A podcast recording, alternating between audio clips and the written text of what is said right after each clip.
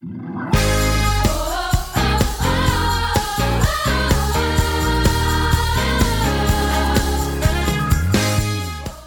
to the City Church International podcast.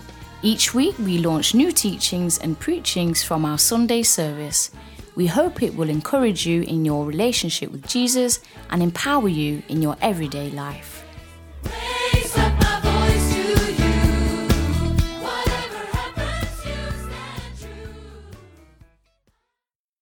Contending for his glory. I love the subject. I love that subject because the very sentence, when it opens up, it says contending. To contend means to fight. To contend means there's something we are fighting, we are wrestling. This is not a casual going through, it's a contention, it's a wrestling match. And so we hear that in the kingdom, we must press in, we must suffer violence, we must, there must be a contention. So by the end of this weekend, uh, you cannot be just an ordinary believer. Hallelujah. You have to be a militant believer. There must be some militancy about you, some fire about you, some intentional contention. Starting a war declaring a war against darkness, declaring a war against complacency, declaring a war against against every spirit of postmodernism. Come on, come on, come on, come on, folks. This is Europe declaring war. You see, the only way you destroy Jezebel, you do what Jehu did. The spirit of postmodernism, it's a Jezebel spirit. It's a spirit that usurps, power and paralyzes. Jezebel was surrounded with eunuchs. Hello. Eunuchs are castrated men. Hello. In other words, their manhood has been castrated. They cannot perform as men. They have the potential, but not the ability. So, what the spirit of Jezebel has done in Europe is that it has come and it has castrated the strength of the church to produce. And so the church is there by physical appearance, but it is unable to produce. It's unproductive. It's a Jezebel spirit. You are there, you are doing something, but it's not bringing forth as it should. Hello? You do what you need to do, but nothing gets done. Hello, eunuchs. Hello, hello. You, you understand what I'm saying? You do what you need to do, but nothing gets done. You sweat, you work, you do, you go through the motions, you go through the whole system, but at the end, nothing gets done. Why? There's no power. The Jezebel spirit is gonna be dethroned in the name of Jesus in Europe. There has to be a generation, a generation that rises up and dethrones. What did Jehu did when he entered the gates? He saw Jezebel standing at the at the court, surrounded by eunuchs. Because Jezebel loves to surround itself with powerful people, but it takes power from them. The church is very powerful, and the spirit of Jezebel is not afraid of the church's presence as long as the church has no power. And so the spirit of Jezebel surrounds itself with, with the church. The church is okay, the church can be there, but as long as it does not cause any problems. But we're going to raise a Jehu generation that knows how to say to the eunuchs, bring that woman, throw her down. There has to be a generation that rises up in Europe and say, throw that Jezebel spirit down. Everybody say, throw that Jezebel spirit. Down. Throw it. Down. Throw it. Down. That Jezebel spirit is coming down. It's going to leave our churches alone. It's going to leave our territories alone. It's going to leave our families alone. We pray, but there's no power. We sing, but there's no power. We preach, but there's no power. The dead are not raised. The blind can't see. The deaf are not hearing. We do what we do, but there's no power, no impact. It's a Jezebel spirit, but that spirit is coming down in the mighty name of Jesus. that's what we must contend against. We must contend against a spirit. And that spirit is a territorial spirit. You come in here, you find it here. You come with your fire, you burn for a little while, and that spirit just switches you off. Because it's here, it surrounds, it castrates you. Protect your power. I say, protect yourself. Make sure that spirit ain't coming near you. You will not be a church that has no power. The Lord is going to raise up a church in this Europe that will be powerful, full of fire, full of glory, full of power in the mighty name of Jesus. We decree it, we announce it into the spiritual realm. A church is rising that has power. Everybody say power. And so this is why we need strategic intercession. Not just intercession, strategic intercession. What that means, the word strategic comes from the Greek word strateia, which means warfare. Interesting. The weapons of our warfare, of our strategy, the word strategy is actually the word warfare. Meaning, we need an intercession that knows how to dislodge a Jezebel spirit not blow hot steam. Because you can shout, but you have, if you have no authority, Jezebel is not going to come down. And Jezebel, it's a spirit that fights the prophetic edge of the church. Because after Elijah did a great work on Mount Carmel, the following day, Jezebel said, By this time tomorrow, Come on. Some of you have done great things for God, and after you've shaken some stuff, you heard in the spirit a spirit announcing by this time tomorrow, you will not be able to function. So, great men of God arise in the territory, but after a while, they are down. It's a spirit of Jezebel coming after prophets. The spirit of Jezebel does not need negotiations, it needs violence. The violent take it by force. We cannot negotiate with Jezebel. Jezebel does not play fair, he castrates you. Hello, hello, hello. So, so you you don't come, you don't negotiate with the woman who castrates you. Come on, people. You you don't you you stay far and you throw her down. yeah, you stay far and you throw her down. Stay far from the spirit of Jezebel. What does that mean? Do not allow the spirit of this age to influence your thinking.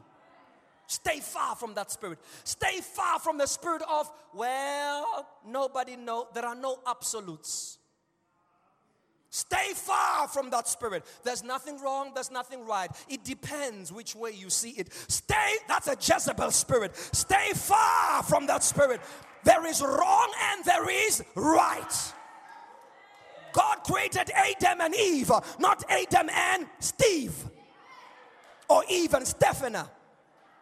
Yes, stay far. Stay far. You see, I say that statement and you get religious responses like this. Christians are not sure. Is that correct? Is that not correct? Why are we now? Are we offending? What is this? If it means you are under the spell of Jezebel. Because if we all understood what the Bible says about homosexuality, we would not be politically correct.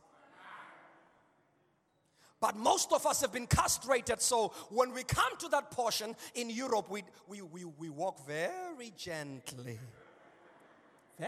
Very gently. Why? We are castrated.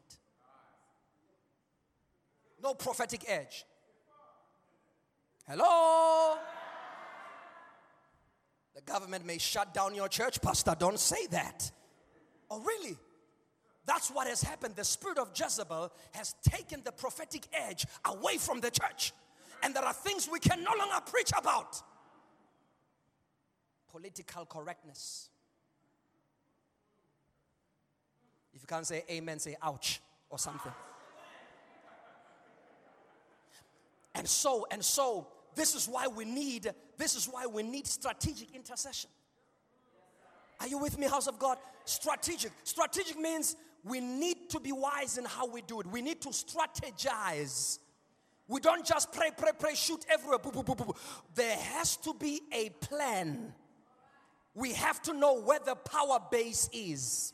When you fight in a warfare, the first thing you do, you destroy their communication center you find out where is the enemy's communication center and where is the enemy's elect- electricity. You, you shut down the power, you shut down the communication. Those two things. So we must find out what is the communication center of the spirit of new age, the spirit of postmodernism. Where, where is it being broadcasted? and we identify those areas and we specifically target them.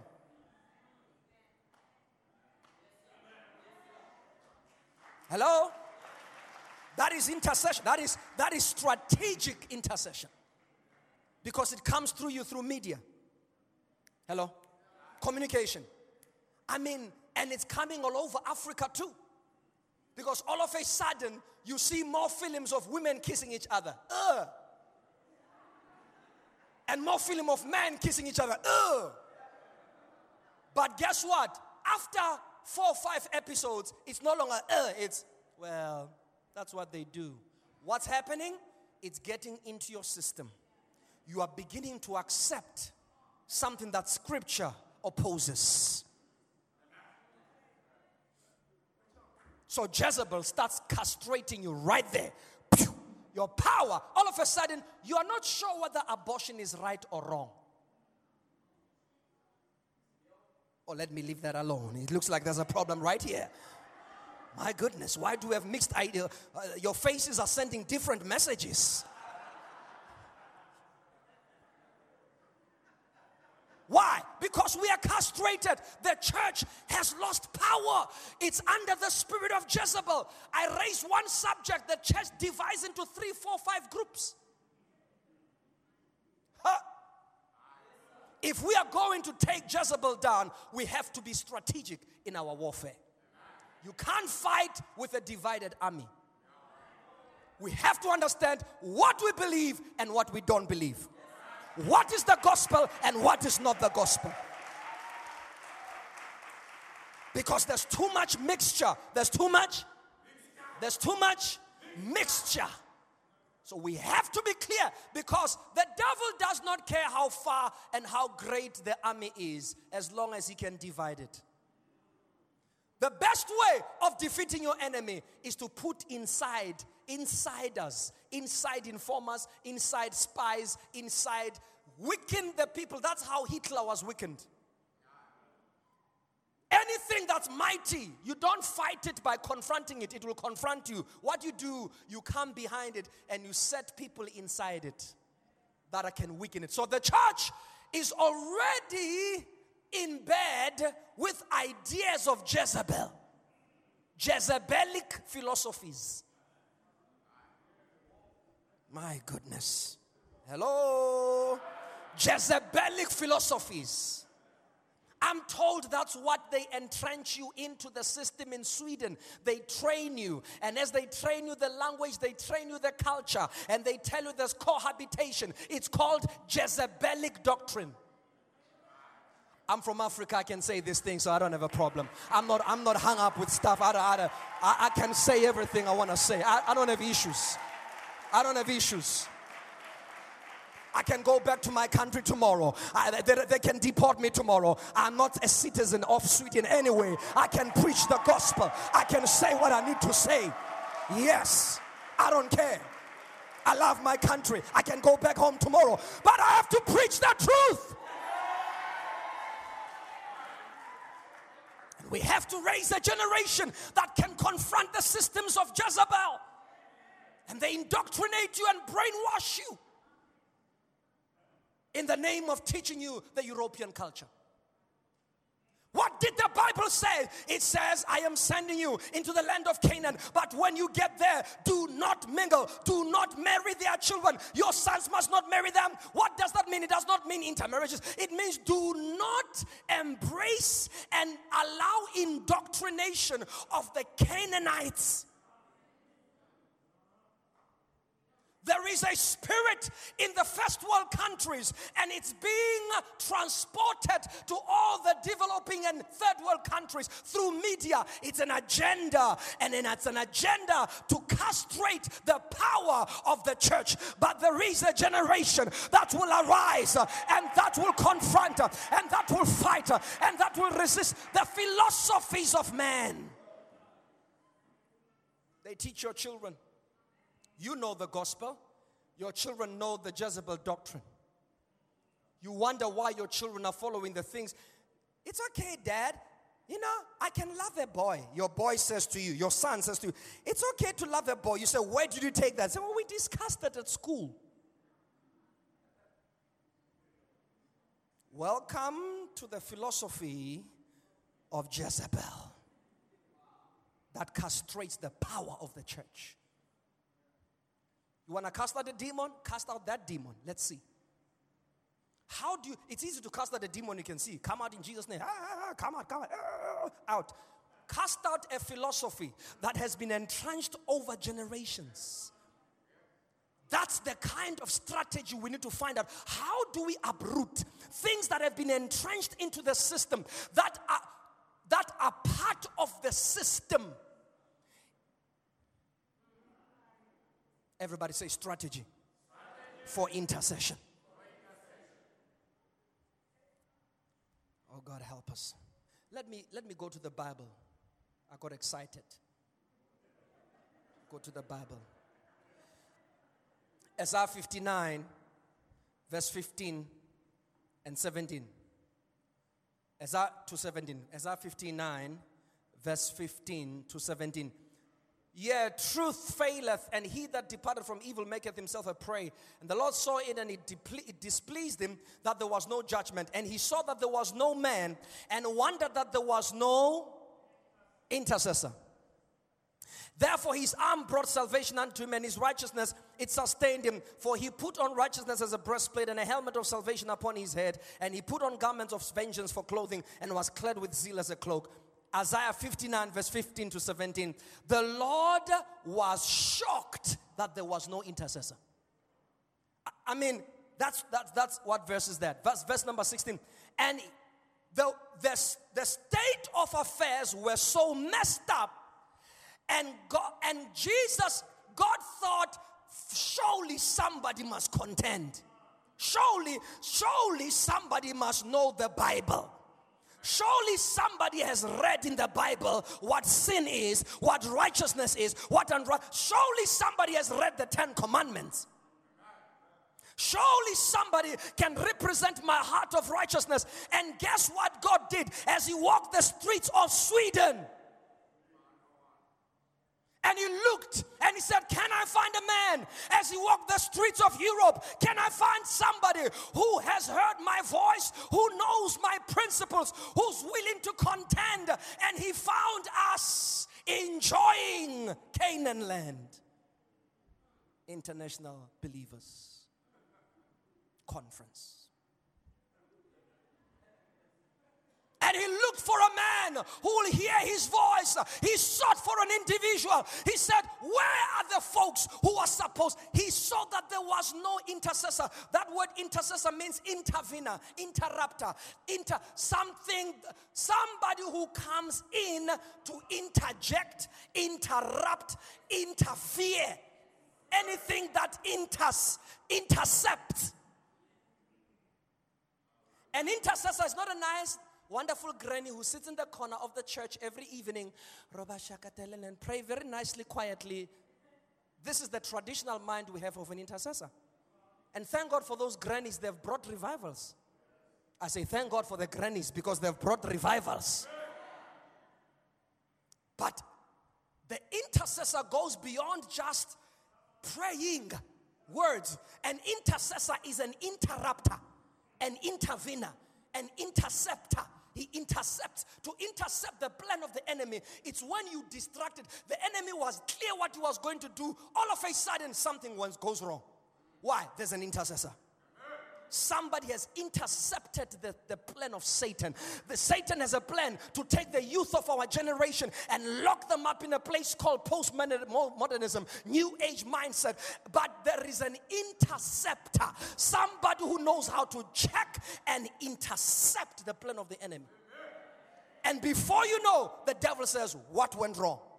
I thought we got a generation. No, there is a generation that rose up because now Jesus says, I looked and I saw no intercessors. Listen, the Bible tells us that in the whole earth, not only in Isaiah 59, but in Isaiah 50, 41, verse 28, look at that quickly. Isaiah 41, verse 28, verse 27 and 28. The first shall uh, the first shall say to Zion, Behold, behold them, and I will give to Jerusalem one that bringeth good tidings. For I beheld, and there was no man even among them, and there was no counselor, and that when I asked of them could answer a word. No one could answer me, Why are things happening the way they are happening? There was no one to help Jesus. Jesus says, Therefore, I decided to come and intervene. Listen to me, folks. There is no one on earth who can save the world in the state where the world is at but Jesus.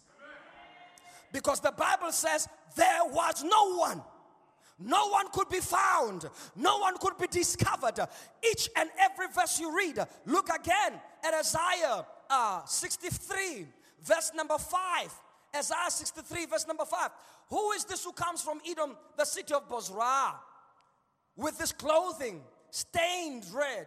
Who is this in royal robes, marching in his great strength? It is I, the Lord, announcing your salvation. It is I, the Lord. This is from uh, verse 1 to, to 5. Isaiah 63 from verse 1 to 5. You've got it? Isaiah 63 from verse 1 to 5. I'm going to read all the five verses. It says, Who has power to save? Why are, you, are your clothes red? As if you have been treading out grapes. I've been treading the one press alone. No one was there to help me. In my anger, I have trampled my enemies as if they were grapes. In my fury, I have trampled my foes. Their blood has stained my clothes. For the time has come for me to avenge my people to ransom them from their oppressors. I was amazed to see that no one intervened to help the oppressed, so I myself stepped in to save. Case closed. Jesus is the only one who can save. He is the great intercessor. Say, Jesus, is the greatest intercessor. So now, case closed. Who? It does not matter how powerful you are, you can never save the world. And it's important that we understand this matter I'm saying right now. Humility is the, the greatest step into breakthrough. Every move of God was preceded by humility. If we can come to a place of understanding, Lord, we don't have the power, we don't have the wisdom, we don't have the know how, we don't have the ability, we don't know how to do it. Jesus says, Now you are at the right place because only I am the greatest intercessor. The Bible says so. He says, Because I found no man who can do it, I stood up and my arm brought me salvation. I have a helmet of salvation. I had the breastplate of righteousness. All the armor you see in Ephesians chapter 6, you see it here. Jesus is the, in, he still intercedes today. The Bible says so. He says he's at the right hand of the Father doing what? Interceding. So there is hope in Europe because Jesus is interceding. There is hope in Europe because Jesus is interceding. He is intercepting. But how does he intercede? Jesus is the head, the church is the body. Jesus is the head, the church is the body. I have never seen bodiless heads or headless bodies. When we say Jesus, we are speaking of the corporate man, Christ the head, and the church the body. You cannot divorce Jesus from his church. And the two shall become. The church is the bride of Christ, they are married. So when you are married, the two are. My wife and I are. For 20 years now, thank God, we've been one. What does that mean?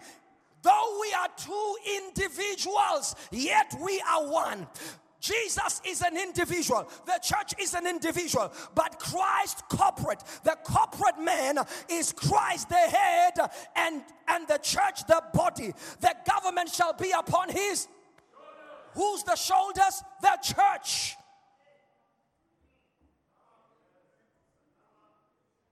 This, you see, the dichotomous understanding of Christ is what makes us not understand who we are. In Him, we live. In Him, we move. In Him, we have our existence. You do not exist outside of Him. You are in the only way you have the right to contend it's when you are covered by blood. That scripture we read. Why is your clothes covered with red? He says, I have been fighting. I have been contending. That's Christ, the body covered. Why? Because on the cross, when he was dying and the blood was being spilled, he was actually fighting the enemy and he was fighting the systems of the earth. When he finished and he died and he rose again, he said, Now the kingdom of this world has become the kingdom of our God and his, and his Christ, and he will reign forever. How does he reign? He reigns through the church. Christ, the head, and the body is the church. Hello? Come with me, come with me, come with me. Correct your theology. Come, come, come quickly. The Bible says we are seated with Christ in heavenly places in Christ Jesus. So, how can we be in Christ seated with Him while we are on earth? Because that's the language of corporate son, the corporate man, Christ the head, the church the body. So, because Jesus is our intercessor, it means, and He continues to intercede, we are His agents on earth to bring about the finished work of the cross. So, stop being intimidated by Jezebel. Because Jezebel's head has been cut. Are you hearing what I'm saying? This, this, all that Satan has, it's a rumor. He no longer has power. It's a conspiracy. He sends words as though something is happening. He's defeated. But we need to arise. Listen, we need to. One thing I love about democracy, everybody say democracy. Most of our governments are democratic. Even if they are socialist, they are social democratic. What that means is the government by many. It's a whole open door which we never use. It's the minority that rules us most of the time. It's the minority that influences us. But if we were to challenge our government on democratic principles and influence the entire nation to follow Christian and godly principles, we would take over. Sounds like a revolution. Call the police. For the weapons of our warfare are not carnal, but they are mighty through God to the pulling down of strongholds. This is not a physical battle, people. If it was, we would have long won it. It's a spiritual battle. We're dealing with principalities, powers, mindsets, philosophies, things that you are intangibles. So, here is the point. This was just a build up to this point. Here's the point. Look at Acts chapter 19, verse 11 to 16. And I want to wrap it up in this point. Are you still here? Acts chapter 19, verse 11 to 16. Now, God worked unusual miracle by the hands of Paul, so that even the handkerchiefs or aprons were brought from his body to the sick, and the disease left them, and the evil spirits went out of them. Then some of the itinerant Jewish exorcists took it upon themselves to call the name of the Lord Jesus over those who had evil spirits, saying, We exorcise you by the Jesus whom Paul preaches. Also, there were seven sons of Sceva, a Jewish chief priest, who did so. And the evil spirits answered and said, Jesus, I know. And Paul, I know. Who are you? I want to talk about this matter of who are you? Strategic intercession is not for novices. Strategic intercession is not for zealous people who do not understand authority. The sons of Sceva were very zealous. They saw a move of God. They were excited about what God was doing. Demons were coming out of people like that.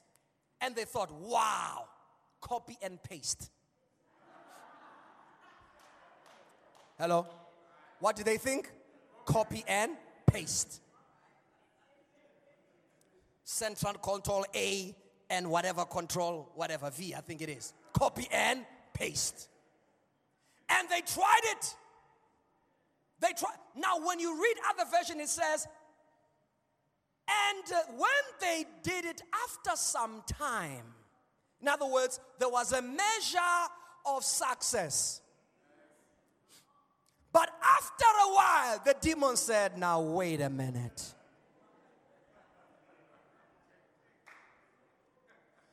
The moves of God that are born out of zeal and born out of excitement and born out of a wave which we, we surf, that wave always comes down. We need more than just a moment, we need more than just a zeal, we need more than just an excitement. There has to be something more. And this something more is who are you? Identity. Say identity. The demon says, We know Jesus, we've dealt with him, we know Paul. Isn't that interesting? That principalities and powers actually know people who are in the kingdom, who have entered the kingdom, and who are pursuing the kingdom. Demons know, they record, they can see, oh, that one, no problem. That one is a problem a hit list. Demons have a hit list. They know the ones who shake territories. Shatakabasaya. There are people, listen, and these are human beings, folks. I'm not talking about something. There are human beings, people like you and me, you and me. The Bible says Elijah was a Elijah was a Elijah was a man, but he prayed for that it must not rain for three and a half years, and it did not rain. Elijah was a man like you. The Bible says it deliberately to show you that you can do exactly what Elijah did, in fact, better because Elijah was not even in the kingdom. Now you are in the kingdom. Hello? So, Jesus we know, Paul we know. Who are you? What gives you the right to confront us? Listen to me, folks. Every territory has got principalities and powers. There are ancient spirits in every city, in every territory, in every region that have been given to be, that have been posted to guard the territory. That's why those of you who are students of spiritual warfare and prayer, you will know that different areas manifest different principalities you find that once one area is full of drunkardness, another area, the problem there is burglary or breaking ins, another area, the problem there is suicide spirits, another area. I mean, literally, because there are different principalities over different regions. So there are spirits that are ancient devils that have been sitting there for ages. They've entrenched themselves in the system. You show up with no track record in the spirit, in the name of Jesus, come out. Come out. Come out. And they say, Jesus, we know. This Jesus you're talking, we know him. Who are you? What does that mean? It means there's a level of authority you must possess.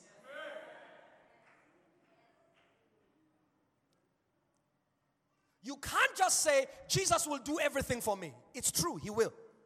But He has already done everything for you. That is a positional, what Colin Dye was talking about here. It's a positional eh, place. Christ has done it all, it's finished. But then you must work it out. You must walk the walk that Christ has done. Paul paid a price for that anointing. Ah, and the amen is starting to finish up. It may be that you're tired. It's okay. Paul paid a price. You don't just get some anointings just by watching the television and having fika.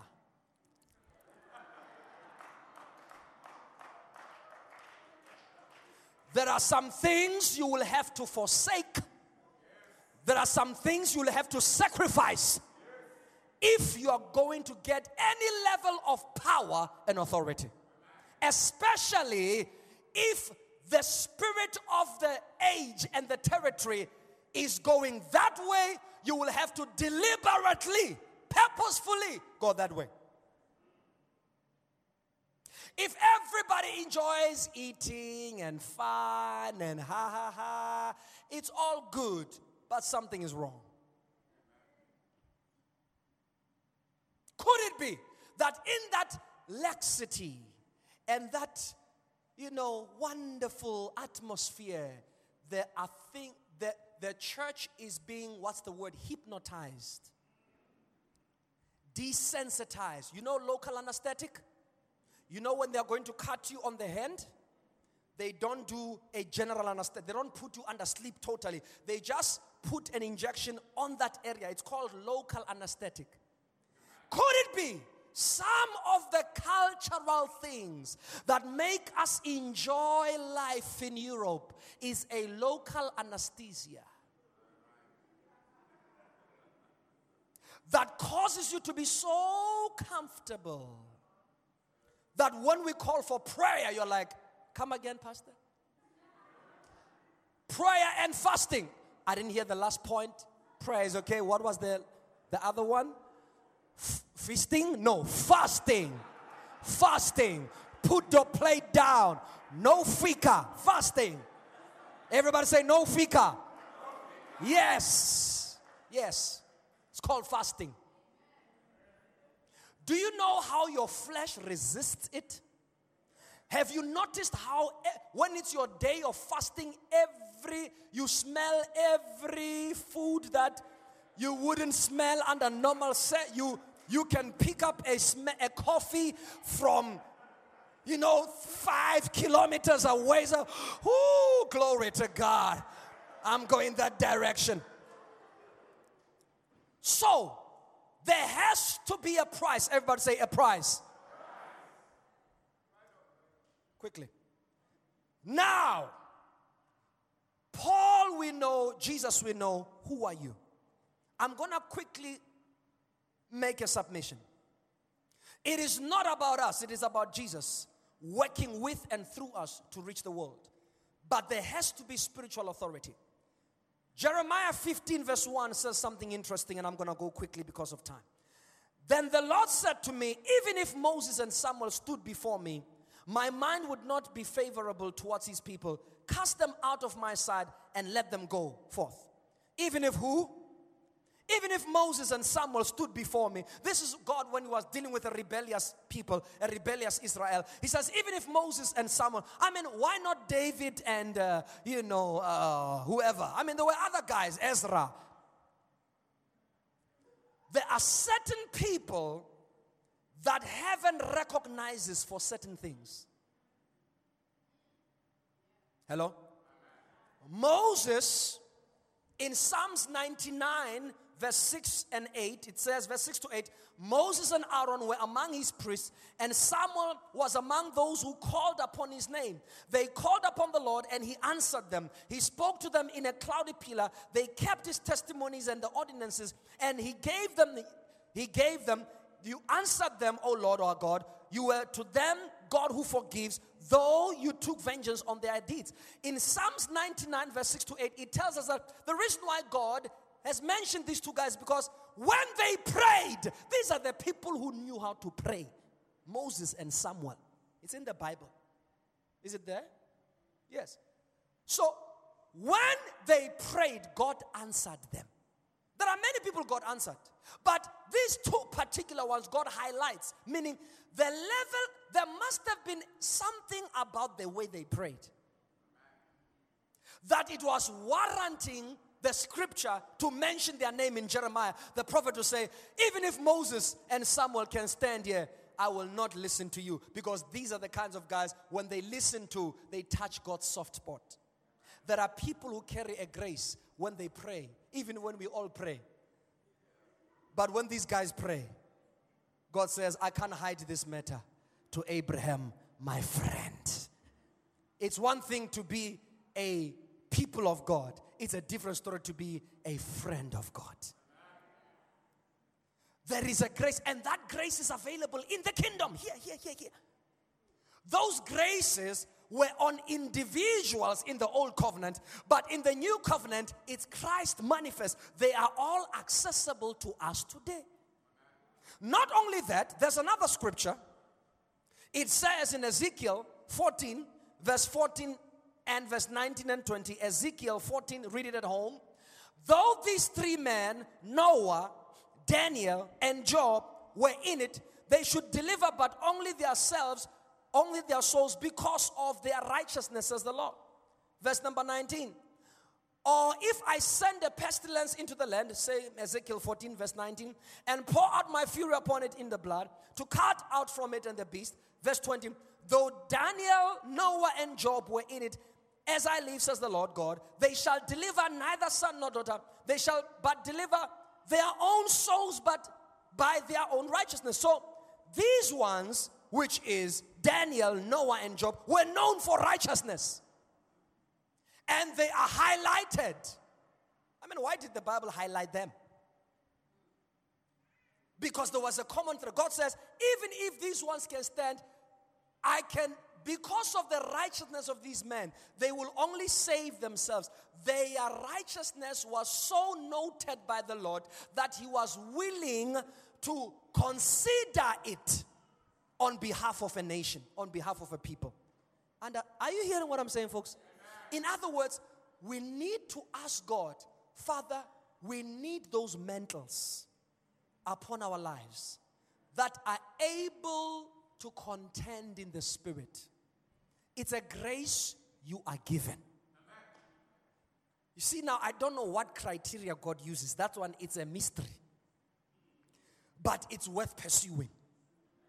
There are people when they stand, because of the price they have paid, when they stand, God listens. If we are going to contend, and we have those people in the archives of history, different revival moves are showing us different individuals who were able to stand like that and God paid attention. God paid attention. One man prays and God says, ksh, ksh, ksh, ksh. Angels, thank you. Ksh, thank you. Holy, holy, thank you. Ksh. That guy is saying something I need to hear. I'm dramatizing it, of course. Do you understand what I'm saying? In other words, there are people who carry mantles. Everybody say mantles. We would need certain mantles in this season. The Bible says in the book of Hebrews, chapter 12, we have a cloud of witnesses, graces. Mantles do not die, even if an individual dies. Listen to me. When you are carrying a grace and you die, a grace is something supernatural. You don't die with the grace because it's not yours, it's from the Lord. So when God gives you a mantle, You work within the time frame of that man, whatever you need to do. When you get old, the mantle lifts and waits in the atmosphere for the next generation to say, Oh God of Elijah, where is the God of Elijah? The mantle waits. If you see me, the mental waits. There are mantles in the kingdom that are waiting to be claimed and possessed. Listen to me, house of God. Europe is very critical. God raised giants in this region, in this continent. There were giants whose mantles are waiting to be claimed.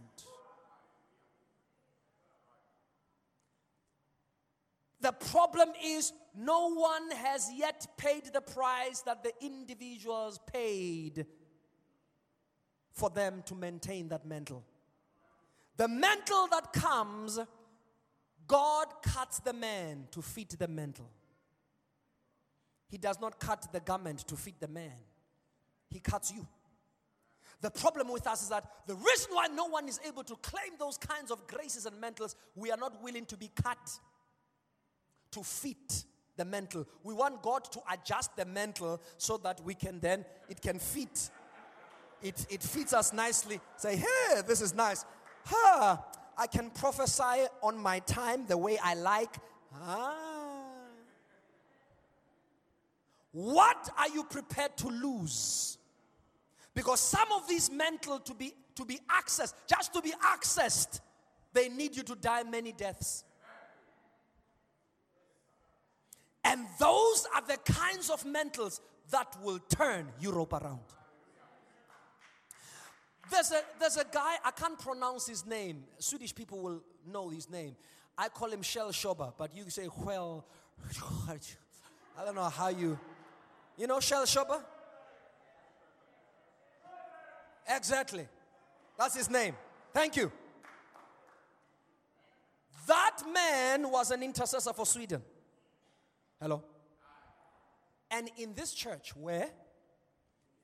Where? In this very church, in the late 80s and early 90s, he did city prayers, he did national prayers here. So there's a mantle that is sitting here. He was also buried, his funeral was in this building. This is where his body laid. Oh, yeah. What does that tell you? This is a man who stood in the gap for the entire Sweden in this building, in this place. I don't know who has claimed that mantle. We are sitting in the midst of it right now. Now, that's a practical thing now. We are sitting in the midst of that mantle. It's just hanging in the spirit because nobody has yet paid the price to access that kind of an anointing because we are having a wonderful fika time.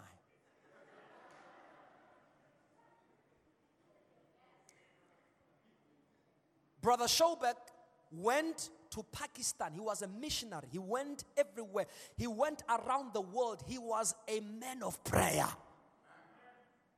Hello? And this nation was able to come under in this in city church he did prayers in this place, meaning there are mantles that are hanging here in the spirit. No wonder we are doing this conference. It's sit, there are things that are sitting here, graces of national importance that can shake a region. But the question is, are you prepared to pay the price? Do you know that the greatest Pentecostal move of God started in Sweden, in Philadelphia church? The greatest Pentecostal move in the world. I think the name, uh, a guy by the name of Lewi Pethrus, a pastor for 45 years in Philadelphia. A greatest, the, the mega church concept started here in Stockholm. The mega church. Yonggi Cho came to Philadelphia, here to to study what this man was doing, Lewi Pethrus.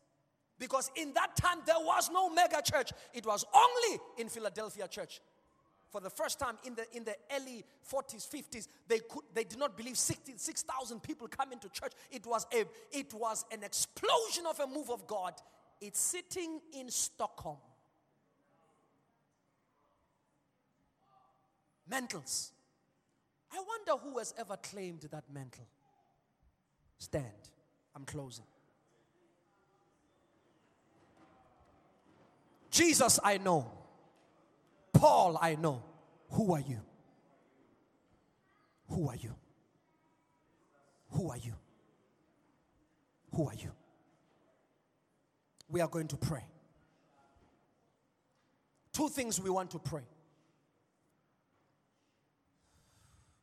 I want to pray for people who say, I want to press in. You see, these messages, they interlink. It's so beautiful because you can never get that mental unless you are prepared to press into the kingdom. Some of you are seeing the kingdom, but you are not able to enter. You are not entering. You must enter. You must press in because as you press in, the mantle is waiting. In this place, there is a grace to turn Sweden around. In this place, there is a grace to turn Stockholm around. In this place, there is a grace to turn this region around. Only if somebody will dare to pay the price. We shall not be castrated. We must refuse. We must refuse. Because there is an agenda of the enemy to disempower the church Once again, Sweden will arise. Once again, Sweden will arise. I want us to press in tonight. Press in for yourself. Press in for yourself. And ask God, Lord, I need to press in. I need those mantles. What is the cost? What is the price? There are mantles hanging in this place, hanging in this place, hanging in this city church, hanging, sitting here, waiting for a generation, waiting for a generation, waiting for a generation to pursue, to press in, to press in, to press in.